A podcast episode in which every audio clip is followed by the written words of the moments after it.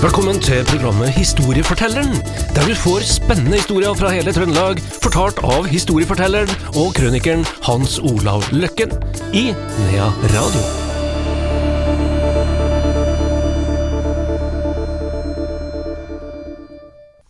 Velkommen tilbake til Historiefortelleren. Hans Olav Løkken er vår historieforteller, og i dag, Hans Olav, skal det handle om dyr. Både små og store, tror jeg. Ja, det skal handle om det største og det minste omtrent. Eh, og eh, det er jo slik at eh, helt siden eh, menneskene begynte å ha husdyr, og ta til seg husdyr, og leve av husdyr, så har det jo alltid vært en kamp for eh, liv og eksistens mot rovdyrene. Samtidig som de samme rovdyrene ga oss pelsverk til å kle seg med. Litt sånn paradoks, ikke sant, her. Vi liksom utrydder og står i der, men vi er avhengig av dem, eller ikke vi da, nå, men den gangen, Var han det, ja? så måtte jo ta noen av rovdyra for oss å få ordentlige klær og sånn da. Og det var jo nødvendig med å gjeting. Du var sannelig ikke gammel før du ble satt på som gjetergutt eller jente, eh, gjeterjente. Kanskje en åtte år, ti år, Færre der ute, heil, langt, langt ute i, ut i naturen. Eh, det går jo en del historier, alle er vel kanskje ikke helt sann, men eh, det var ikke noe ufarlig jobb. Det var ikke det. Og vi vet at på Nordmøre, i eh, 1775, så eh, ble tre jenter og en gutt, som alle var gjetere, angrepet og drept av en rovgrisk bjørn, en såkalt mannbjørn, som man sa da. Man har jo hatt en diskusjon om noen er blitt drept av ulv. Det, ulvedebatten den vil jo pågå noen år til, Helt sikkert. garantert, og der er jo også diskusjon har noen blitt drept eller ikke blitt drept. Og Vi har en sånn historie da, som vi skal ta en gang, som, er, som skal vel dokumentere noe, da. Men det var jo litt overtro i forbindelse med de her rovdyrene, selvfølgelig. Man eh, skulle ikke benevne med, med deres rette betegnelse. Og på husdyrene så var det om å gjøre kanskje å ha litt sånn smukke navn, Gullfoten og alt mulig sånn. Det var i tid liksom at du måtte passe på hvordan du døpte dyrene dine. Eh, påskedagen, altså før man åt kjøtt, mat, så skulle du ta en stein, for eksempel, men den var ikke større enn at du kunne gape over den, og så skulle du bite på den tre ganger, den steinen, og så skulle du si ikke skal bjørn eller annet udyr få mer kjøtt av mi, mine krøtter i dette året enn jeg fikk av denne stein.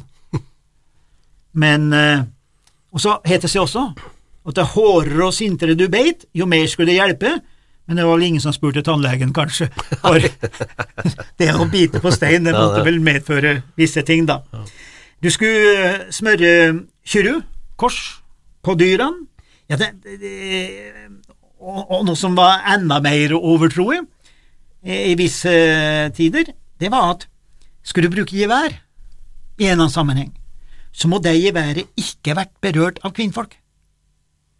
Det kunne medføre altså ulykke, spesielt over da for udyr eller uvenn. Så eh, på 1776 til 1800 så ble det i snitt tatt livet av én ulv i Oppdal. Jeg har fått eh, en del opplysninger hos Kjell Haugland, stor personlighet eh, gjennom mange år på Oppdal, og det er jo også skrevet ned av en som heter Erling Hestnes, da, men de forteller altså om, eh, om Og det her, er, her tallene, det er ikke noe fantasi, for de er ofte tatt ut av det vi kaller skinnpenger, protokollført ned hvor du fikk betalt av myndighetene, ikke sant. Så i nevnte periode, da, på en 25 år i Oppdal, så ble det drept 36 bjørner før 1800-tallet der, bare, bare de 25 årene. Ulvebestanden øka, og så videre og så videre og så videre. Så vi, det finnes mange statistikker på dette her, og mange tror kanskje at man brukte for det meste gevær, men det gjorde man ikke. Man brukte altså åte. Og man hadde også, ved siden av åta, forgifta åte på kadaver og sånn, så hadde man også sånne fallemmer. Det som jeg har vokst opp med fra, fra gammel tid, hvor du sier at her har det vært en eller annen grav, nei, eh, fangegrop og sånn, som vi ser i fjellet. Ja, jeg ser ikke der så godt, det, altså, men den påstår at det er verdt det. Naturen har jo tatt det mye tilbake. Men de, eh, de brukte altså fallelemmer, og eh, i en femårsperiode midt på 1800-tallet så ble det tatt livet av 126 ulver, da, i henhold til de samme statistikkene, i Sør-Trøndelag. Så det var en del rovdyr før eh, her. Og en annen ting som gjør at vi vet ganske mye om det her, det var jo ikke bare skinnpengene direkte, men det var det ulike skuddpremiesystemet her. Eh, det var altså noen som hadde ekstrainntekter. Vi vet at i 1886, 1886 i Oppdal, så var det en som het Ole I. Mjøen, det er jo ganske typisk navn oppe i Oppdal, Mjøen. Han hadde en inntekt fra jakt på rovdyr påløpende 538 kroner. Det er jo ikke mer enn vi, vi bruker på en dag vi går ut eh, på en kiosk, men 538 kroner, det var steika mye penger den tida. Skal du sammenligne, så var kuprisen på Oppdal i samme året ca. 40–50 kroner. Altså, han hadde ti kyr i pris, altså en verdi på 42 000, da, er det her i 538 kroner. Så han levde jo veldig bra av skuddpremie, og det har hjulpet oss å fått, skal vi si, mer vitenskapelig dokumentert ulv- og, og, og, og bjørnebestand i eh, flere bygder, da.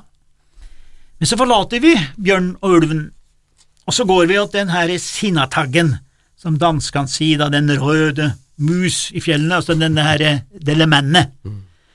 Eh, og da skal vi til 1823. Da skjer det henvendelser til statsmakten fra mange plasser. Det var spesielt prestene vet du, som sendte inn ting da. Da kommer det henvendelse om eh, fornødne foranstaltninger. Nå må noe gjøres. Det må erstattes, for det går eh, på helsa løs. Eh, enorme skadevirkninger på grunn av kolossalt lemenår. Det var en eh, veldig landeplage, og eh, vi vet Går vi litt tilbake, så vet vi Ja, vi vet det kanskje ikke, men det hevdes i hvert fall at når general Arnfeldt for i Trøndelag i 1718, så møtte han den der jæklige lemennet oppe i Færsdalen, og de ble jo forgifta. Og det skriver noen av forskerne i Norge som mener at det var det som også felte Arnfeldt. Og eh, jeg husker jo når det var lemenår da jeg var liten, vi sprang jo omkring i fjellet og, og skjøt uh, der, og, og, de var så sinte, vet du, men det er jo bare tull, de, de var i hvert fall så sinte at de sprakk, het det. Ah, Herre. Jeg tror det ble fortalt at de sprakk, da. Og de var sinte, vet du. Og så gikk de alltid mot sør. Og eh, det løp inn en del meldinger allerede på høsten 1822 da, om at uh, de trodde det ville bli lemenår, da, og at de ville overleve en streng vinter og sånn, og det her forverra selvfølgelig når 1823 kom, og de begynte å ete opp avlingene, det ble fòrmangel, bakterier uh, hos buskapen, for buskapen ville ikke spise noe der lemennet var.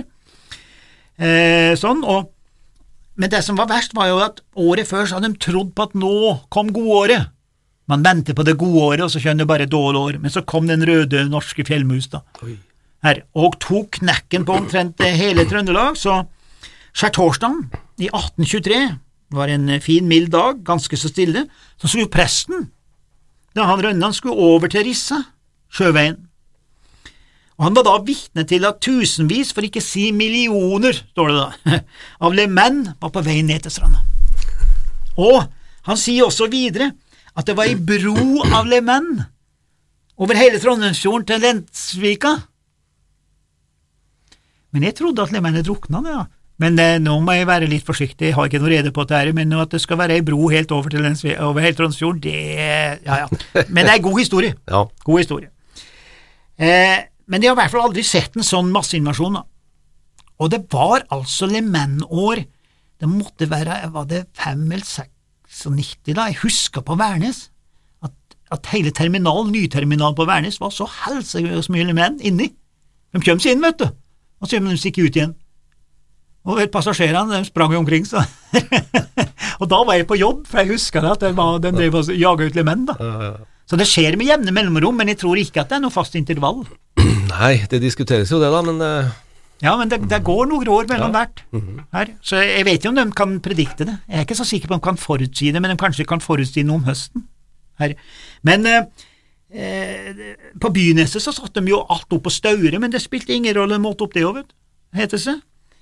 Og på første gården i Statsbygd, altså var Brettingen, totalt avsvidd, liksom, etter at lemennene har vært der, for vi snakker altså om eh, hundretusener, vet du, og det er enormt. Og det var det, Jeg har jo aldri hørt om så store lemenår som, som det her historia prøver å fortelle oss, da. Det, det må jeg innrømme, og jeg vokste opp på Dårefjell og var, var jo lemenår den tida, men jeg så jo aldri hundretusener og sånn, altså. Men, men du så at det var lemenår, og du merka det på, på bestanden av rev og av andre ting. Det, det øker jo, da, ikke sant.